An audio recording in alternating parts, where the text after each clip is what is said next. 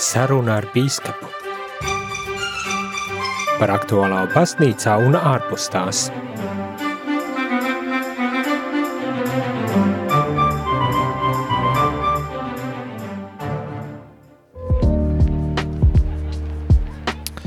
Labdien, labdien, vai labvakar jau jāsaka tā, rādījumā arī klausītāji šeit es, priesteris Jānis un saruna ar bīskapu, raidījums saruna ar bīskapu, kurā mēs tiekamies ar nu, dažādiem bīskapiem no visas Latvijas un, un runājam par aktuālo, protams, vispirmām kārtām jau baznīcā, bet ne tikai baznīcā, un šajā vakarā kopā ar mani ir Latvijas Baptistu draužu savienības bīskaps Kaspars Šternis. Labvakar! Labvakar!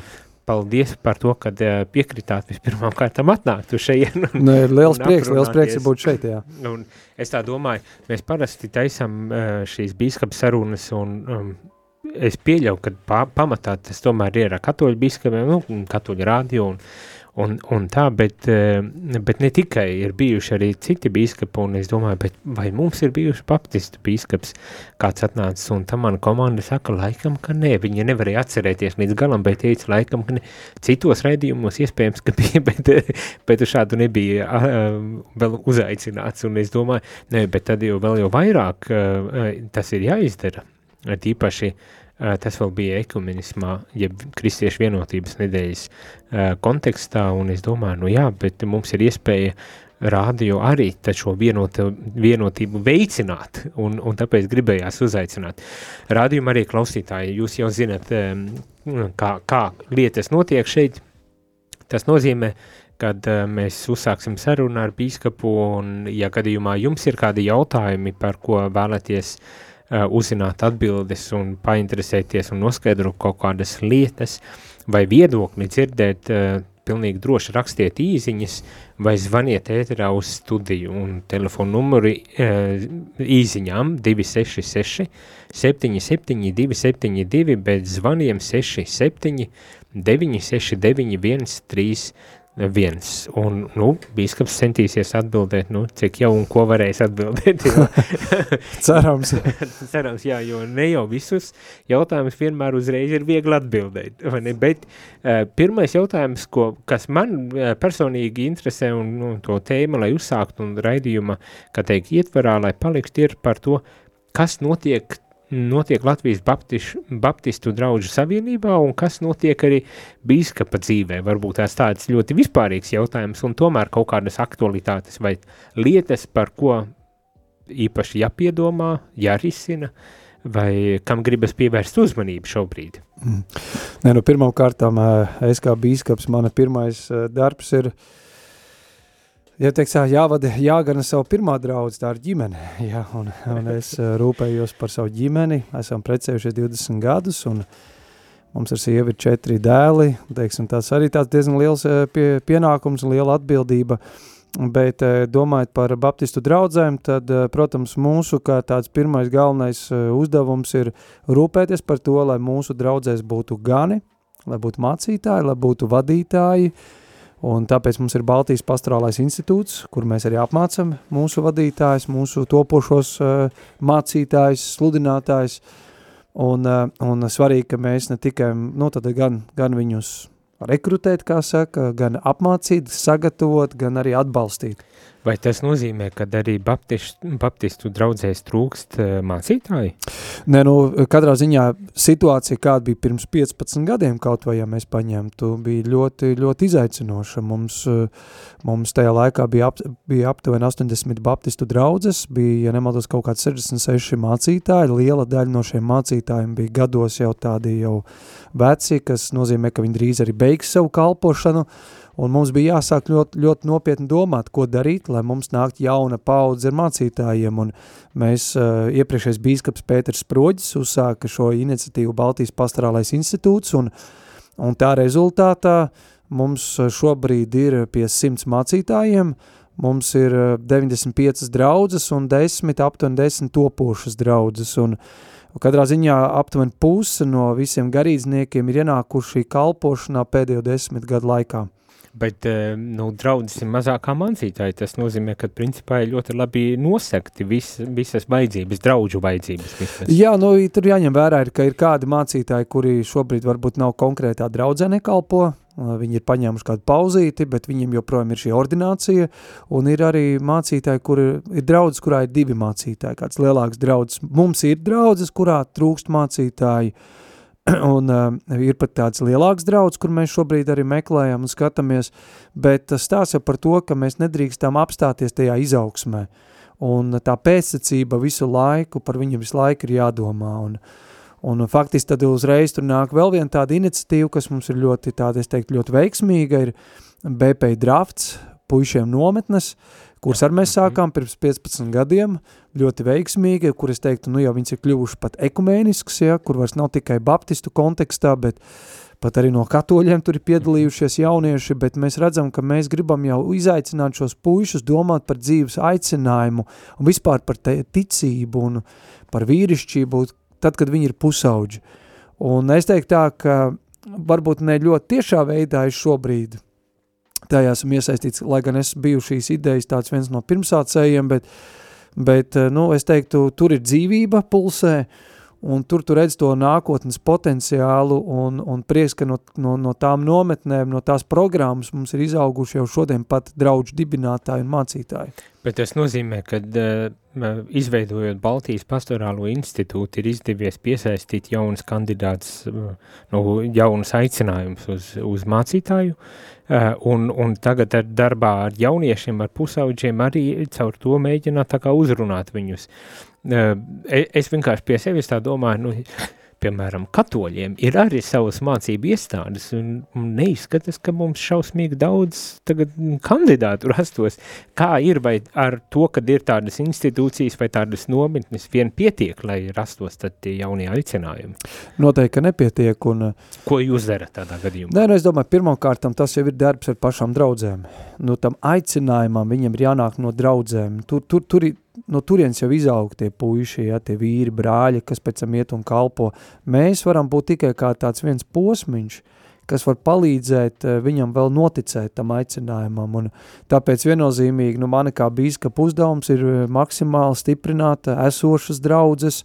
Mums ir arī vīzija, mēs gribam arī dibināt jaunas draudzes, un tur, tur ir jābūt tai dzīvībai, jāpulsē tur, lokālajā draudzē. Un, bet ko tas nozīmē stiprināt, kā bīskapa pienākums stiprināt eh, tās esošās draudzes? Kā tas izskatās dzīvē?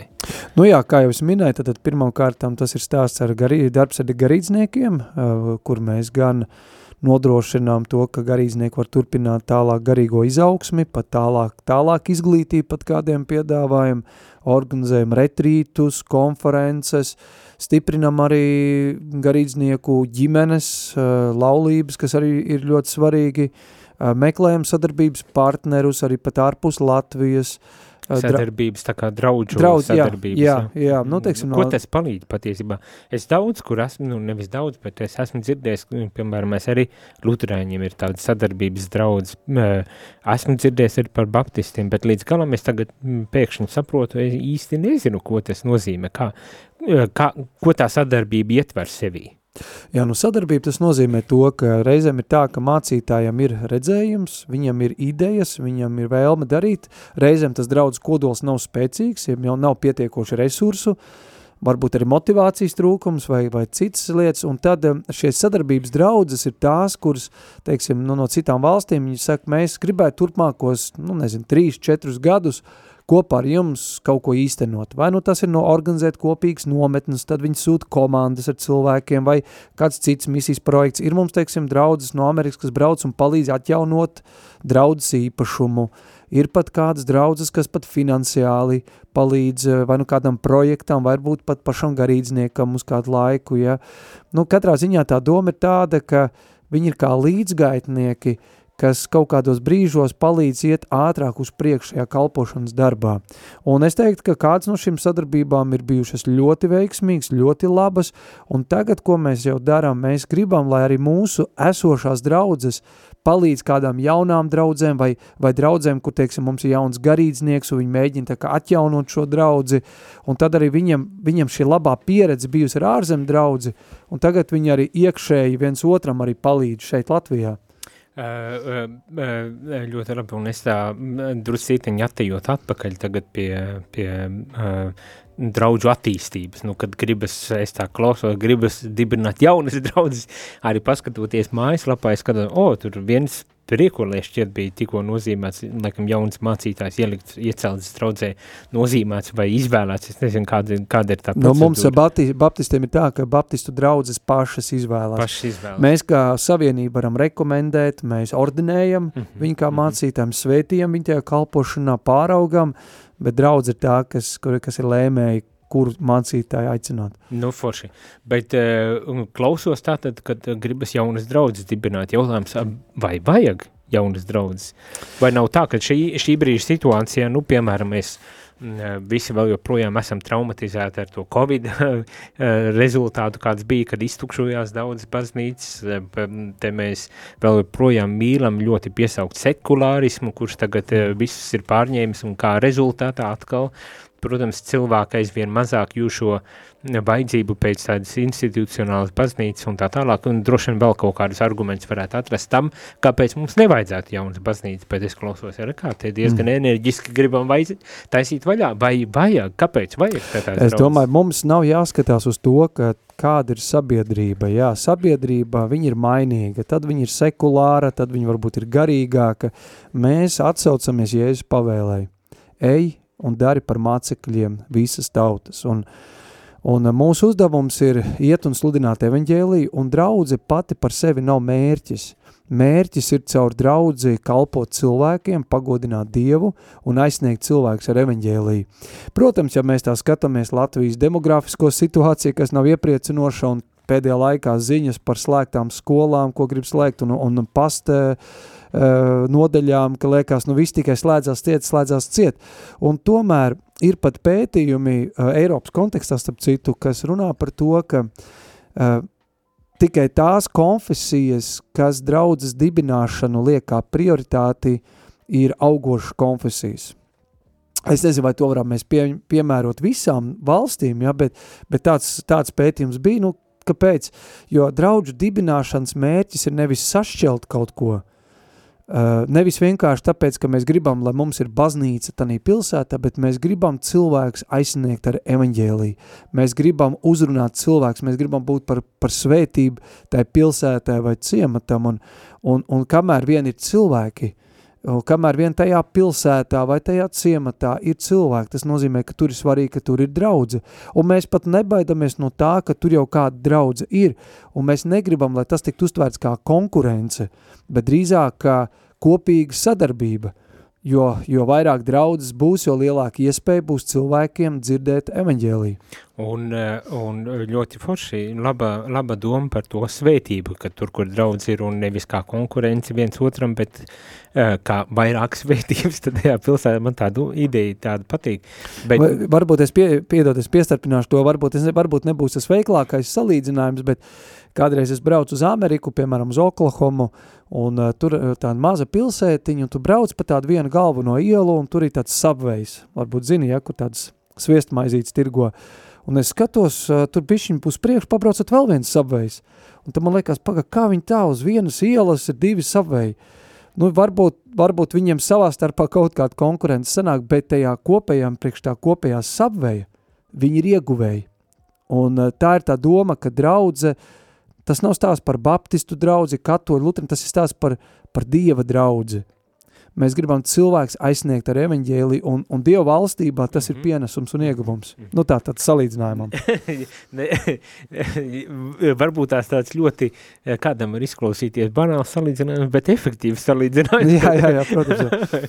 Man, bet, uh, varbūt tās arī darām tā, ka aizējām mazā muzikālajā pauzītē un tad atgriežamies atpakaļ. Man principā tas, kas man ieintriģēja druscītiņi ir, bet, bet kā tad ir ar, jo nu viens mēs tādā idealizētā un, un romantiskā veidā par to, ka nesam evaņģēliju un vēsti, bet otra ir tā praktiskā puse un kā tad tā puse izpildās šajā gadījumā, jo Uh, nu, es paskaidrošu, varbūt tās pēc uh, muzikālās pauzes, uh, jo man šķiet, to mēs arī nedrīkstam līdz galam atstāt novārtā, jo pretējo gadījumā mēs sadidi, sadibinām draudzes vai kaut ko un nespējam par to nemaz arī parūpēties, un es domāju, cilvēkiem varētu tas arī interesēt, bet ja rādījuma arī klausītāji jums interesē kādi citi jautājumi, tad nebaidieties, sūtiet vai rakstiet uh, īziņas vai zvaniet ēterā, lai tad uzdot šos jautājumus un uzzinātu, varbūt tās iedziļinātos daudz vairāk, kas tad notiek Latvijas nu, draudžu dzīvē, un pat varbūt tās tā gribas teikt, protams, caur baptistu draudžu perspektīvu, un tomēr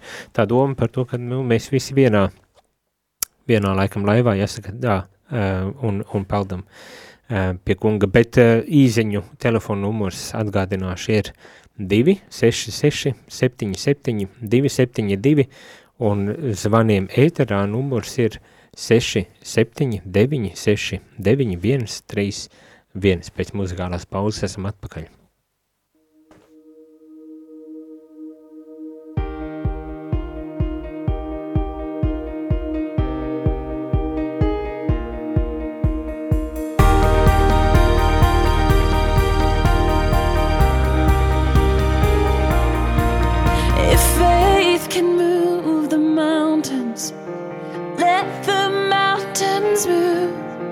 We come with expectation, waiting here for you.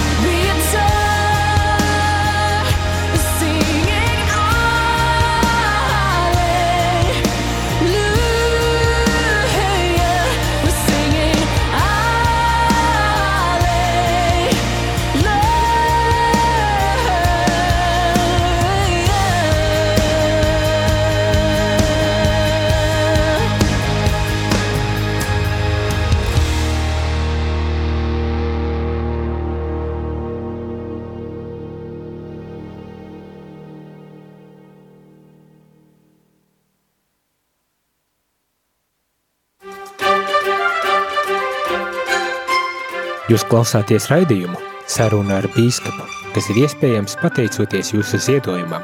Paldies!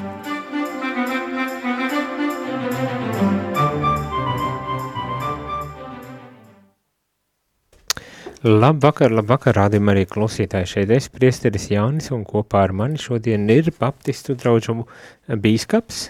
Kaspars Šterns. Ļoti patīkam, un mēs jau paspējām pirms šīs uh, muzikālās pauzītes aprunāties par to, kas tad notiek, un, protams, pieskārāmies tādai ļoti, eh, manuprāt, aktuālai un svarīgai tēmai eh, ne tikai baptistiem, bet eh, visai kristīgajai baznīcai, tā gribētos teikt, pilnīgi noteikti katoļi, katoļus te skaitā, kā jau man kā katolim īpaši tuvu, un tas ir par, viens ir par mācītāju, mūsu priesteru tādu formāciju un, un, vispār kandidātu, kā teikt, piesaistīšanu vai uzrunāšanu, droši vien tas arī izklaus tā piesaistīt, kandidātu piesaistīšanu, runājam par to, ka Dievs sūta tos cilvēkus. Bet otra lieta, kas Ehm, kas arī, arī ir aktuāli un vēl joprojām, es domāju, mēs visi mēģinam risināt, ir jaunu draudžu veidošana un attīstīšana, un tur jau par to jau drusku um, tika parunāts, paspriest, bet man gribas dzirdēt arī drusku no tās otras puses, no tās praktiskās puses, uh, jo nu, kā ir, un, un šeit es balstos savā tādā pieredzē un izpratnē no, no manas puses, vai ne, par to, kad, nu, cilvēki aizvien mazāk lauku teritorijās, piemēram, paliek. Un vienlaiks tur ir tie cilvēki, un vajag par viņiem parūpēties. Mums ir mm, diezgan plašs tas draudžu tīkls, un viss tā praktiskā puse, un kā tā notiek, ir diezgan sarežģīta dažu vietu, nevien, ne visur. Uh, Ne, bet eh, te klausos, gribu pat attaisīt jaunas draudzes, un es pas, ja, jāsaka godīgi, ja nemaldos priekulē bija, ka tikko kā, eh, ne, nu, tikko kā uh, uh, jauns mācītājs uh, ievēlēts un, un tā, un es domāju, bet tas ir vispār kaut kāds, un es biju dzirdējis, ka Liepājā tur jauna mm, draudze ir mm, atvērusies, vai ne, un droši vien vēl kaut kur, kur es neesmu neko dzirdējis, bet kā ir, vai nu, viens ir, jā, Dievs, Dievs veda, Dievs vada un, un ļauj tam visam notikt, bet kā tas praktiski notiek, kā tā praktiskā puse kā ir? Vai ir viss tik viegli un, un skaisti un labi, vai, vai to mēs varam tā vienkārši noignorēt un pajaukties gan jau? Ne, noteikti, ka kalpošanas darbs nav vienkāršs, uh, tam ir savi izaicinājumi, savu sarežģījumi un, un pārbaudījumi, bet uh, mums ir sava, sava kārtība, kā, kā mēs to darām, uh, Un uh, mums ir gan, nu, pirmkārtām, mēs nevienu nepierunājam kalpot, mēs tikai sludinām, mēs aicinām, mēs aicinām cilvēks par to lūgt, mēs dalāmies ar stāstiem, ar liecībām, ko Dievs ir citur darījis, un tas reizēm arī iedvesmo kādus. Nu, mums ir arī tādi, kas ir centušies un nekas nav sanācis. Un, bet jāsaka tā, pirmkārt, mēs īsti, vismaz mūsu baptistu konfesijā, mēs nestāstam, jeb nemācam vienu veidu, kā sākt veidot jaunu draudzi. Un uh, ir dažādi konteksti, vides un situācijas ir dažādas. Bet ir svarīgi, ka tev ir komanda, ka tu neesi viens, un ja tu esi spējīgs ap sevi dabūt domu biedrus, kam arī šis aicinājums, tas ir liels solis uz priekšu. Mm. Tev jābūt ir gatavam būt darbā ar cilvēkiem, sludināt evaņģēlī, kalpot cilvēkiem, uh, mācekļot viņus, un, un tad mums ir, uh, mums ir gan tāda izvērtēšana, uh, kur pirms draudž dibinātājs uh, grib dibināt draudz, mēs viņu ar sievu izvērtējam, tāda saruna intervija ir, un tad mums ir tāda apmācība, kas saucas M4. Tā ir divu gadu programma, kur patiesībā mēs palīdzam iestartēties draudzēji. Tas ir faktiski četras tikšanās reizes, divu gadu garumā, kur visas komandas sabrauc kopā, dalās pieredzē, uh, nu, uzstāda kāds mērķus, kopīgi lūdz, uh, stāstliecības, kur var noteikt tāda, nu, nedaudz arī apmācība. Un tas ir ļoti svarīgi, ka šīs komandas tur piedalās. Un tad paralēli viņiem ir šie mentori, kas regulāri sazinās, palīdz atrisināt kaut kādus jautājumus, un nu, tad ceram, ka to 2-3 gadu laikā tur arī var piedzimt šī draudze. Un jā, esam mācījušās no kļūdām, nu tādā ziņā, ka tieši tā, kā tu teici, demogrāfija, uh, kur varbūt eh, kādreiz liekas, nu, man gribās šeit dibināt draudzi, bet, nu, ja mēs tā paskatāmies, vai tiešām tas būs fiziski reāli iespējams, maz ciematiņš, jā, bet ir mums arī tādas, ka, nu, draudzīts, ja varbūt teikt, drīzāk misiju stacijas, nu, kur tādos mazākos ciematiņos ir kā tādas mājas grupas, un mēs viņus juridiski nesauktu par draudzi, bet viņas savu funkciju veids kā draudzes. Un, nu, tas tas, kā mēs to mēģinām noturēt, lai tas būtu ar kvalitāti tikt arī darīts. Nu, izklausās ļoti interesanti. Mums ir telefons zvans, atbildēsim nu, uz to vispirms. Lūdzu, labvakar! Halo! Droši runājam, mēs šeit klausāmies. Ne, laikam tomēr, laikam tomēr nebūs. Zvanat vēlreiz, ja gadījumā, ja gadījumā uzreiz neatbildam un nerunājam, tas nozīmē, gribas pabeigt domu, pirms ķeramies klāt, lai nav tā, ka lecam iekšā uzreiz.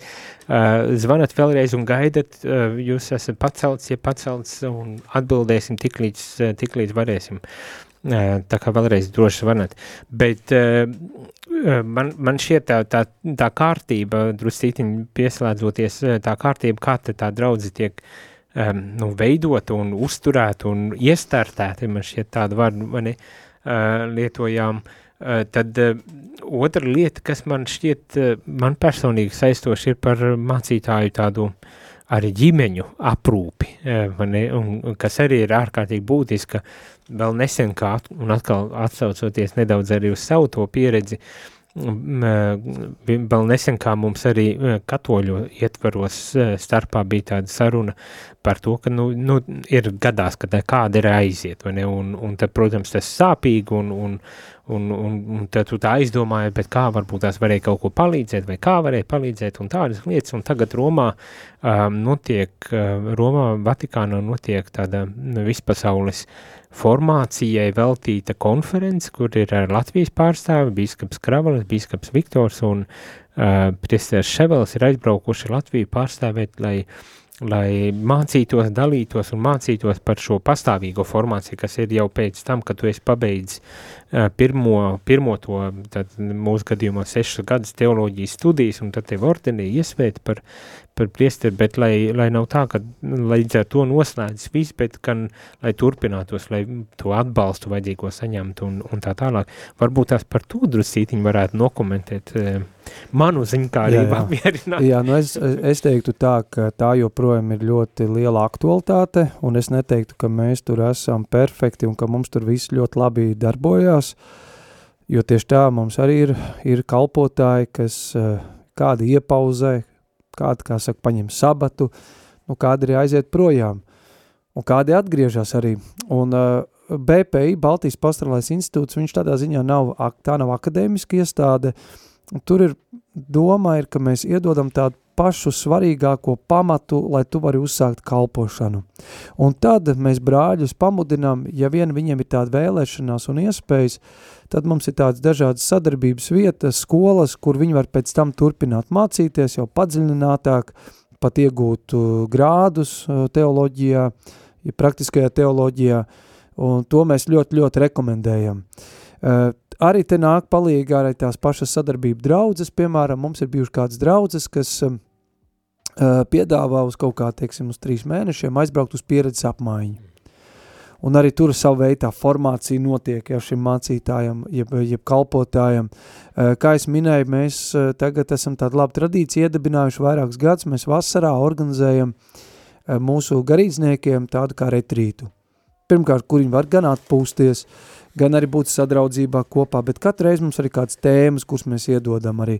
Bet es teiktu, ka te būtu vēl darbs darāms un, un uh, tā vajadzība ir lielāka nekā mēs varbūt spējam šobrīd ar to visu tikt galā un noteikti būtu vajadzīgs vēl kaut kas, ko mēs tā kā esam jau domājuši arī, ko sauktu par tālāk izglītošanu, izglītību, uh, tas viennozīmīgi būtu vajadzīgs. Jo tāpat kā skolotājiem, piemēram, ja, viņi arī viņi turpina izglītoties, pilnveidoties, un tāpat arī garīdzniekam gan dvēseliski ir svarīgi sakopt savu dvēseli, nostiprināt savus attiecības ar Dievu, savu ticību, tas ir primāri. Uh mhm. -huh. Protams, tad ir tiem, kas ir precējušies, kam ir ģimene, mums ir ļoti svarīgi, ka viņiem ir, ir dzīva, stipra laulība, un par to rūpēties – Un tad, protams, arī viņa pra, prasmes, zināšanas, arī tajā ir svarīgi turpināt augt. Kā notiek rūpēšanās par eh, laulību, jo nu, es pieļauju, ka tas ir gan izaicinoši jau parūpēties par pašu mācītāju, vēl, vēl kopumā par visu ģimeni tā rūpēties. Kā, kā tas notiek? Nu, te es teiktu tā, ka mm, te arī mēs varētu noteikti darīt vēl vairāk un būtu vajadzīgs darīt vairāk, bet pirmām kārtām jau ir sadzirdēt, pamanīt, ieraudzīt laicīgi to. Un, un uh, man ir bīskapa vietnieks uh, Edgars Godiņš, kurš regulāri brauc ciemos pie mācītājiem uz draudzēm, un viņš ir, ir daudz vecāks nekā es, un viņš ir daudz pieredzējušāks nekā es, un viņš ļoti labi spēja ieraudzīt, pamanīt, nolasīt. Un tas ir viens. Uh, tad uh, Uh, jā, nu tad ir, uh, mēs kādreiz organizējam arī kādus, nu, teiksim, seminārus, tos pašus saucamos retrītus, arī pāriem, ka viņi var atbraukt, uh, nesen mēs tādu vienu arī organizējām, un, un diemžēl mēs nevaram visus tur uzaicināt, tur bija limitēts skaits, bet, bet tā ir iespēja gan par kā tēmu ar viņiem runāt, kur viņi arī savā starpā var runāties, un, un, un dzirdēt, kas viņa dzīvēs notiek, un, Jo, jo problēma ir tad, ja mums jāsāk ir izsināt sekas.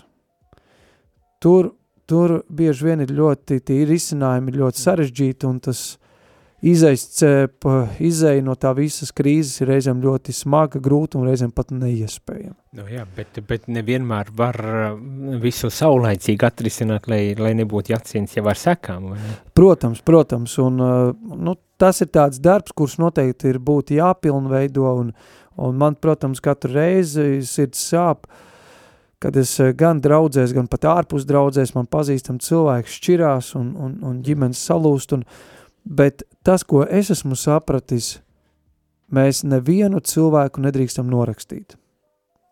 Uz nevienu cilvēku mēs nedrīkstam pamest cerību. Pat tad, ja viņš ir pilnībā pakritis, pat aizgājis prom no kalpošanas un varbūt pat šķīries un, un, un, un man ir, ir stāsti un notikumi, kur cilvēks pēc tam atgriežas, tur kaut kas no jauna piedzimst, Un mhm. tas varbūt ir bijis daļa no viņas svētapšanas ceļa, diemžēl ļoti sāpīga ceļa. Un, uh, un es gribu dot katram cilvēkam iespēju cerību, pat tad, ja viņš ir pakritis.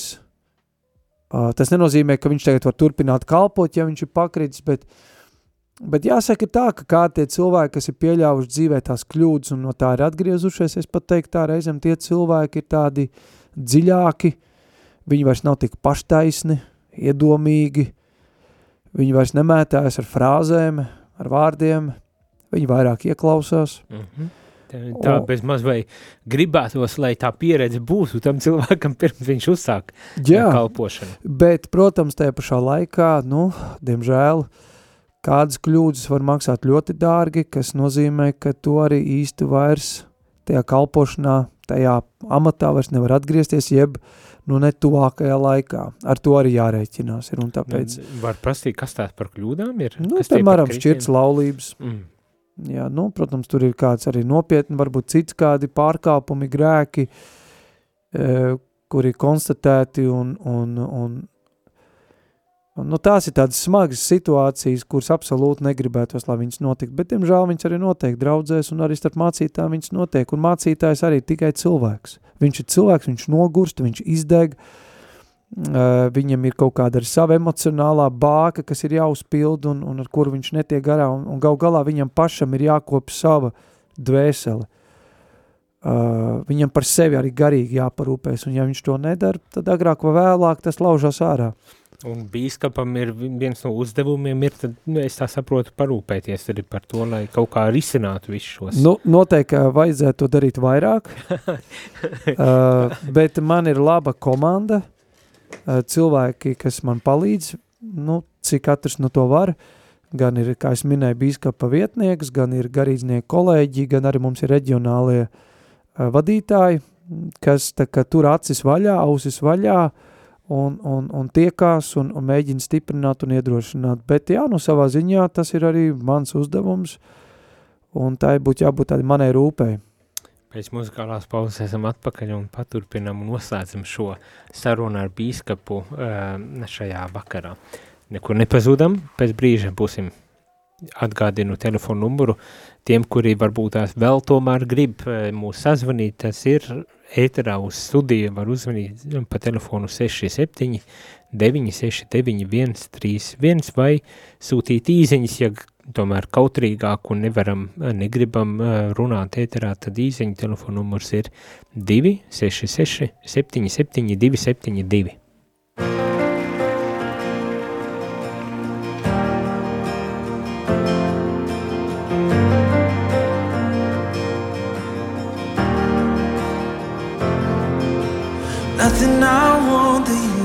doesn't offer. Nothing I've done that Your grace won't cover. It's not over Till you say so. You are faithful, God, you're faithful. The cross is all, the confidence I need.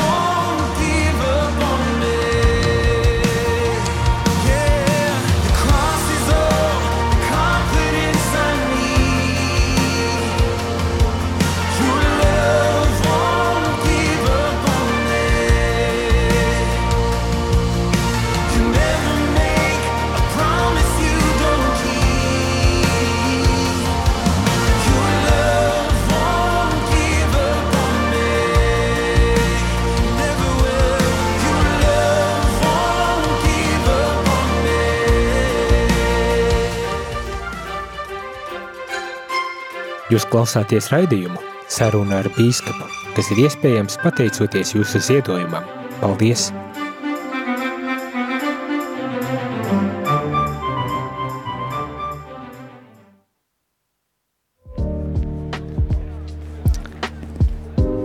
Labvakar, labvakar, rādam arī klausītāji šeit es priesteris Jānis un ar mani ir eh, baptisku, baptistu bīskaps Kaspars Šterns šeit, um, kamēr klausījāmies muzikālo pauzīti, mēs paspējām arī saņemt kādu zvanu, um, kas bija uh, gana interesants uh, zvans par Ukrainas bērnu um, deportēšanu tādām lietām, bet uh, pirms varbūt tās kādu komentāru vispār šajā jautājumā varētu sniegt, atbildēsim uz vēl vienu zvanu. Labvakar! Labvakar! Sirsnīgs paldies Baptistu draudzē par jauko, skaisto, vispār interesantu tādu, nu, dievkalpojumu. Es par radio Marija pārraida katru svē- svētdienas vakaru nu, četros tiešraidi ir viņa rīta ar, dievkalpojumā tiešraidi ir. Un ļoti, ļoti, nu, sirsnīgi pateicos, vispār patīkami klausīties. Es katru svētdienu klausos. Sirsnīgs Paldies, paldies! viņiem! Paldies, un Paldies. paldies par labiem vārdiem. Jā, sirsnīgs paldies. Tiešām interesants tāds, nu, dievkalpojums. Tas, nu, spredīgis vispār. Nu, forši. Sirsnīgs paldies par zvanu. Jā, ir labi arī saņemt šādus zvanus. kad Prieks dzirdēt, jā, prieks dzirdēt, jā. vienkārši pateikt paldies, bet jā, bija, bija telefons zvans no Liepājas, kur nu, kundze saka, nu, kā, kā saprast šādu lietu, kad no Ukrainas deportē bērnus, vai, nu, es domāju, ka cilvēkiem šī kara kontekstā kopumā ir daudz jautājumu tieši, nu, tādi eksistenciāli jautājumi par to, kāpēc tas viss tiek pieļauts, kā, kā uztvert, kā saprast tās lietas, varbūt tās tad varbūt tās var no bīskapa dzirdēt kaut kādu refleksiju, ņemot vērā arī to, ka pirms kāda laika bija arī vēstuli, kur um, bija veltīti tieši Izrēlas atkal karam um, ar Palestīnu un tā tālāk. Kā, kā skatīties uz šitādām briesmīgām lietām, kas notiek? Jā, es domāju, te, te būtu vajadzīgs vesels raidījums un varbūt pat vesela raidījums sērija. Un tie ir ļoti grūti lieli jautājumi, uz kuriem eh, nav tik vienkārši tā uzreiz ātri atbildēt. Un, un es domāju, ir, ir, ir, eh, ir tās lielās tēmas un lielie jautājumi, kurus eh, mums ir jāatstāj Dieva ziņā, un, un es pat nevarētu uz viņiem cilvēcīgi atbildēt, un pat kā bīskaps un kā teologs to visu atbildēt tik vienkārši, bet uh, tas, ka pasaulē notiek ļaunums, es domāju, pirmam kārtam tas tik parāda to, ka pasaulē valda ļaunie spēki, nu, garīgie spēki, protams, tāds cilvēks, kurš ir ateists un kurš netic Dievam, viņam tas liekas kaut kas, uh, tās ir pasekas, bet uh, Bībele ļoti skaidri par to runā, ka, ka ir, ir, nu, ir ļaunie spēki, Un, un, un arī tas parāda arī cilvēku vājo dabu, cik cilvēks viegli var pakļauties ļaunumam, varaskārei, uh, kur jūtās apdraudēts, un tad, kad viņš jūtās apdraudēts, kā viņš reaģē, un viņš var kļūt tik ne, nežēlīgs, ka viņš var iznīcināt otru cilvēku un iznīcināt pat bērnus, un, un uh, bez uh, tāda cilvēka, kurš tagad uh, Krievijā valda, tādi ir bijuši visā vēsturē. Un uh, tā ir traģēdija, tas ir kaut kas nežēlīgs. Un, protams, mums liekas, kāpēc Dievs neiejaucās, kāpēc Dievs tagad to nerisinām. Un, un uh, man nav tādas tiesības uh, Dievu priekšā, Dievu, Dievu vietā teikt atbildi, un, jo man tādas atbildes nav. Un arī es, es lūdzu, un arī mēs draudzes, baptistu draudzes par to daudz lūdzam, Dievs uh, apstādina to ļaunumu un, un uh, Bet varbūt tās te jautājums būtu tāds, jo es arī saprotu, kad man uzdod tas pats, nu, ko tu vari atbildēt tagad uz šito, bet, bet jautājums būtu tāds, ko darīt kristietim, piemēram, mēs tagad rādījum arī klausītāji klausās un domā, bet kā rīkoties, kā reaģēt, kā, kā, kā, kā būt tam cilvēkam. Labs ir, nav atbildi uz šo jautājumu, bet kāda būtu mana viss tāda labākā vai pareizākā um, attieksme vai rīcība šajā gadījumā? es domāju, pirmam kārtām es, nu, ja es tāpat par sevi teiktu, un tas, uz ko patiesībā mēs arī visas baznīcas konfesijas esam aicinājuši jau no šī kara sākuma, uh, nu, lai Dievs dod mieru uh, visā šajā situācijā, jo, jo tikai pareizi reaģēt uz šo visu varam tikai tad, ja mūsos ir nu, tāds dievišķs miers, nevis tāds cilvēka mierinājums, bet dievišķs miers, kas nenozīmē, ka situācija pēkšņi ir mums vienaldzīga mums apkārt, bet mūsos ir miers. Tas ir pirmkārtam lūk pēc tā, lai Dievs dod mieru mums šajā situācijā. Es teiktu neklusēt un nebūt vienaldzīgiem.